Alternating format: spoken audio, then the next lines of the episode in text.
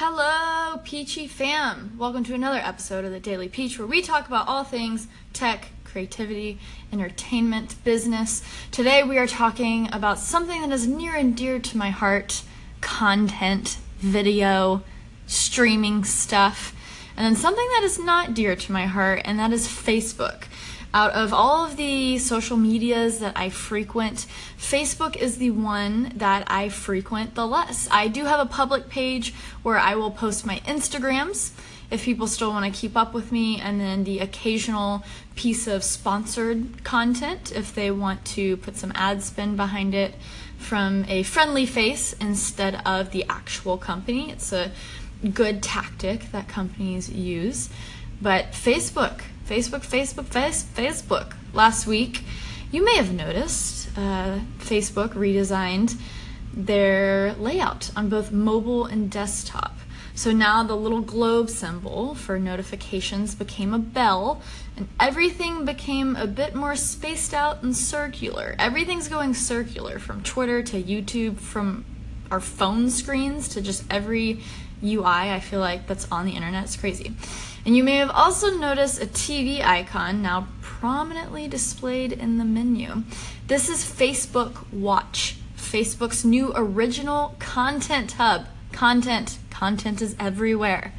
It's their attempt to steal your precious attention from Netflix, YouTube. Don't stop watching Sarah's YouTube videos for Facebook Watch um, and other streaming services. So, how did we get there? We need some context. Over the last year, there have been reports and signals that Facebook was doubling down on original video content, from hiring co founder of College Humor, Ricky Van Veen, that's quite a name, Ricky Van Veen, for head of global creative strategy, to taking meetings with talent agencies and media companies. Facebook had already made live stream deals with companies and brands paying over $1 million a year. Now it was time to take on both short form and long form original content, which I'm used to Facebook as going and watching 10 second viral videos. So, this long form and original content, not just multi purpose reposted 10 second memes, is very new to Facebook. These shows that they're developing target 13 to 34 year olds and are mostly reality based. Facebook is not interested in shows about teens or political dramas, news or shows with nudity and rough language. Um, that was a quote from a article. So they're trying to keep things very PC. The show's vary in length from 30 minute centerpiece shows with uh, which Facebook is reportedly willing to spend up to 3 million each episode on to shorter 4 to 7 minute shows. Like guys the money is there. Facebook is like all all hands on deck so what f- makes Facebook's video strategy different from Netflix's is that Facebook doesn't want to buy shows, but rather wants to pay other companies to make the content for the platform. So their goal is to draw other creators to Facebook video and create a new ecosystem of free original video content, eventually offering revenue sharing through ads. Sound familiar? Like YouTube, YouTube AdSense, something that I am way familiar with. So now what shows are available? What can you watch on the Facebook? The Facebook. Well, there are several hundred actually from a huge variety of companies including A&E Networks, BuzzFeed, The Try Guys, Condé Nast Entertainment, National Geographic, Time Inc., uh, Inc., Mashable, Hearst Magazines, Digital Media, Tastemade, Court Cheddar. I mean, it goes on and on and on. It also will include shows from individual creators like Mike Rowe, famous for Discovery's Dirty Jobs, and Nas Daily, travel um, from a travel vlogger. So there are also live sports and um, events like that, like the Major League Baseball's uh, free weekly game broadcast on Fridays. Yay! Sports ball. So, when looking at the carousel of options available, it appears as though every bit of the internet has exploded into video form. Ugh, we've been talking a lot about audio being on this platform. I'm using Anchor, the app Anchor, to create a podcast. You know, everyone's in a podcast right now, but it's like everything is video. Podcasts and audio is definitely growing, and I definitely see it having a big future. But just like everything is video. Video is so important. That's where the money is, that's where the ad money is.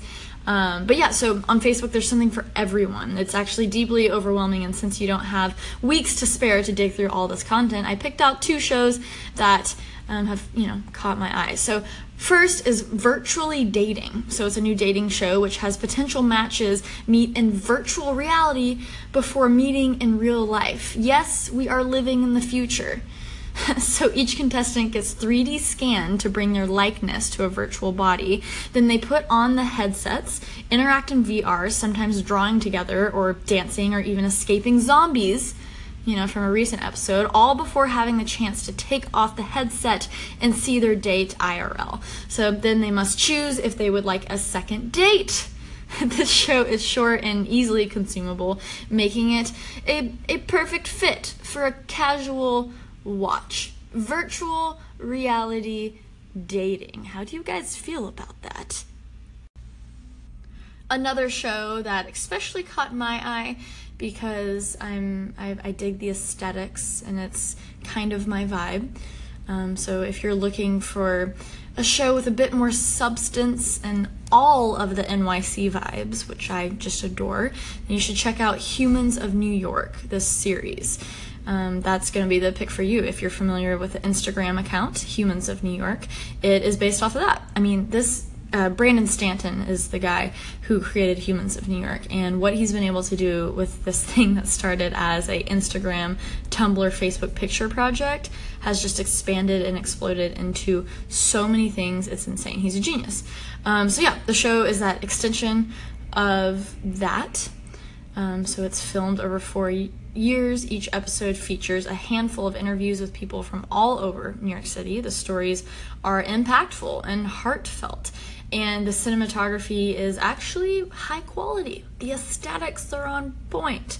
There are no intros or extra frills, just city scenery and talking. So it seems like there's really something for everyone, and it gets me stoked the fact that Facebook is pushing original content so hard and investing in it and hiring production companies to go out and make these shows. And I think it should especially be encouraging to not just for consumers of entertainment. I mean, goodness gracious, we have so many things to choose from, to be entertained from. but also, if you are a fellow creator out there and you have hopes of people seeing your stuff someday. You never know. You could land on a Facebook watch video, a Netflix series, an Amazon series, uh, Go 90. Uh, there's so many. Th- Hulu. I don't even know what normal TV is anymore. You know, YouTube Red. It's just it's overwhelming. So to open up this discussion to a person who actually uses Facebook because I am not a day to day. I mean, honestly, I haven't personally used Facebook in over two or three years. So I want the opinions, I want the thoughts of someone who actually uses Facebook every single day, like a normal human does. And so I'm going to talk to Brandon Powers. He is my friend, but also um, a human who produces some of these podcasts here on the Daily Peach. So give a warm welcome. Go ahead and slam those applause buttons if you're listening on the Anchor app to at bpow33 on Instagram. Here we go. Brendan, are you there? Oh, hello, Sarah. How you doing?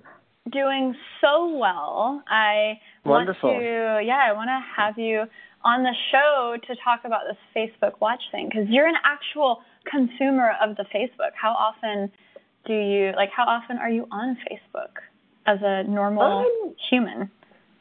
I don't know what human, it's like. Yeah, I, you know. I know you're you're this strange millennial off on the sidelines, not on Facebook. So I'm on Facebook all a lot. All not mm-hmm. I wouldn't say all day. I think that recently because I've gotten so into Twitter, it's pushed me off of Facebook in terms of general scrolling just because I'm less interested in what's going on on Facebook. But I'm definitely on it several times a day, um, giving it a lot of attention and time. I think I use Twitter the way people use Facebook. Because for me, if there is any amount of time in between anything in life, I'm scrolling through my Twitter feed. I'm like, what Yeah. what's going on? What's going on in the tech and the Silicon Valley and the designer Twitter world? It's just such a fascinating place. And just with news, uh, things are always breaking. Like apparently, freaking North Korea just sent off another nuke or something, or another missile, not a nuke, but another missile. And I just learned that three minutes ago via my Twitter feed. So there you go. And by the time that you've posted, maybe uh, no one's gonna have time Maybe, to listen ex- to it. Exactly, exactly. so, yeah, there's Yeah. no meeting in the world. But yeah, so Facebook. What my biggest question is, is I feel like Facebook is a platform to scroll and consume quickly. So I feel like people are used to watching the 30 second viral clips of things. And so I Right. find it very interesting with this shift because it's very much so a shift towards long form. And so Right. you as a Facebook user, have you sat and clicked the watch tab and actually watched one of these shows all the way through? Yes. So, and that was before uh, having to do it for you. I, was interested. Um, uh, I was I was interested in it, and um, as just a general tech interested person, and was like, okay, let's see what they've got here. And I think the first thing that came to mind, well, first the the length that you're talking about. I think they're mostly hitting a really nice sweet spot. Like it's shorter than a, a vlog. Like an, it's like less than 15 minutes. A lot of them, so it feels really bite sized. They Okay. do have some longer longer content, and I haven't sat through any of the like long ones that are like Mhm. almost half an hour. But I have watched these short ones because it's like it's six minutes, and you're like, what's the difference? You know, it just kind of Mhm. happens. Um, and so I think that helps a lot. And the type of content too is so I don't know. I think it's just pretty like an explosion vomit of like memes. Like, I, like I, that was what I felt the first time I clicked on the watch tab. It was like I just saw like goo and like people's faces wide open and like they're like my house is a rat cage. Like it was just like what is what is this? And it like kind of freaked me out. And then I was like, let's scroll through. And then I found this virtually dating show and I'm in love with it. Mm-hmm. You know what I mean? So yeah. Because it's the most absurd thing I've ever heard, but also the most brilliant thing I've ever heard. So Yeah. Uh, I mean, what's what's your? Do you think it's because, of course, I'm sure Facebook is just sitting on so much money, so they have that flexibility, and because they're new, I guess they're they're not hold to certain standards that they're used to, because it's kind of the wild wild west for them. They can just do whatever. So, are you seeing ads on these? Shows already or is facebook just kind of in that stage of like we just need to cultivate this as a platform and then that will come after Right, yeah. And so this is something I did want to talk about because they have ads, and I think they are the worst type of ads on Really? earth. Maybe, bes- maybe besides pop ups, in that it's the middle of the show, 15 second ads. And they, really it just happens randomly. It's not cut into the show. Like the show just pauses and then it just starts playing an ad in your face. And it's like, hold on a second. We're like, and it just feels like I'm being like tied down and being It's very forced to like disruptive. in yeah and forced to like ingest this product. And it's really annoying. And that And I would makes much you rather mad at the product, like the product. that's being advertised. Yeah, exactly. Like I would much rather we just put the ad at the top, like I'm used to, and it's what's on YouTube, and it's just what we've come to understand about the internet, and I like get it out of the way, and it's done, and like let the passive brand voice come through my mm-hmm. body and like Yeah. let me take it in. You know what I mean? Yeah, and, And you know, and then- and you know, people are gonna start the integrated content soon. Like, I mean, these shows are very soon gonna start having Coke bottles laid out as they're doing their virtual date and stuff. Sure, and that doesn't that doesn't bother me at all. You know what I mean? Like I understand Because it's the game, I- non-disruptive. Yeah, it's non-disruptive, and I think as long as it doesn't mess with like the integrity of the product and of the Mhm. show. Like it doesn't bother me that they had like Coke bottles on the judge's American Idol desk that I Right. watched for like six Right. years. You know, like that doesn't bother me. So Right. I and if that like scientifically want to buy a Coke, like good for them. You know? So yeah, and what I it's crazy because as I'm more watching YouTube and doing working with brands and how we have to so tippy toe around these FCA regulations and have to make sure everyone knows that this is sponsored content and blah blah blah. It's interesting Right. because now I'll watch like TV shows, whether it's from a few years ago, like 30 Rock, or even TV shows now. It's such blatant at like advertisements without them being held to like the same standard. I, I don't know. I feel like it's so weird Hmm. how much like blatant But advertising because- there is. Like but because it's scripted and in like right. this like place that's known, which is like a television, you know, it's okay. I think it's just that it's you're in this really wild west world right. where there's it has like were no rules and people didn't understand the idea that like a random human could just start making money, you know. And know, and, and they this? don't like that. You know, they don't like that. So they want to make it as hard as they can, but yeah, and I think it's we'll see how it evolves for Facebook. We'll see what their stats are like um, with these shows. Um, I don't know. I don't think they've released anything yet, but their their money like scheme and like their strategy I found very interesting when I was learning about it. How they're approaching it very differently from these other companies, and they're go- just saying, "Hey, we're gonna just invest like to make a thing, and like you're gonna do it," as opposed to Mhm. like Netflix saying, "Oh, we're going to buy this show," or Amazon, "We're going to buy this show," like, or "We're going to Mhm. buy this film from Cannes Film Festival." Like, they don't want to Mhm. be a studio right now. Uh, Mhm. Which I mean, the way they're do it. the way they're doing it, I feel like is so much more scalable. I mean, when you're already an Amazon or Netflix, you have the funds to really care about the content you're doing. But like with Facebook, you know, obviously they have the money too. And when all you have to do is say, "Hey, just make this show," and like that responsibility is off their lap, you can just do you can do so much of that. And I just, Yeah. oh my goodness, I think I think Facebook will be a competitor to the Amazon and Netflix of the world. So this leads me to the last question. From from Yeah, an outsider, mhm. do you, oh sorry, go ahead. Well, no, and I, I think ultimately they want you, Sarah. Like they, their Yeah. strategy is that they're trying to give people money to show that people are watching and that people Right. like the, and they're using this type of content because they know it's similar to like YouTube creator content because they want to Mhm. be YouTube, I think, more than they want to be Netflix. hmm And yeah, they- and that was my last question: is Yeah, do I, should I start caring about Facebook because I hate it? yeah. I, I think so. Mhm. Um, just because I feel like having your work in front of more people is usually better. But honestly, the first thing I thought of when I turned on the watch tab is, oh my God, why is Creative Spaces TV not on this?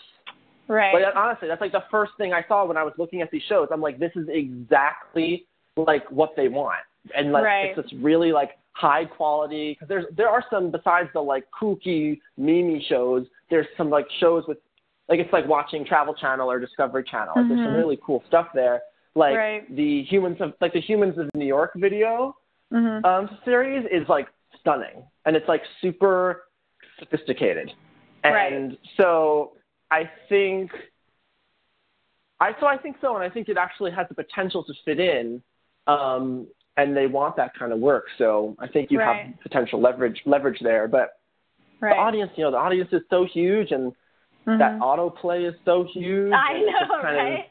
that it's just there. The, the biggest challenge is to get people to stay on your video more than six seconds, which is a very well-known thing about Facebook. Is people just don't stay. Like the watch time on Facebook compared to YouTube is horrendous. So, um, but it's again all of this stuff that they're developing is making me as a content creator even more interested. So who knows if Sarah Dietschy might have a presence on Facebook? We'll have to see. But um, Brandon, thank you for your inputs, and Brandon helped produce these shows. Where can people find you on the on the Instagram, Instagram and Twitter?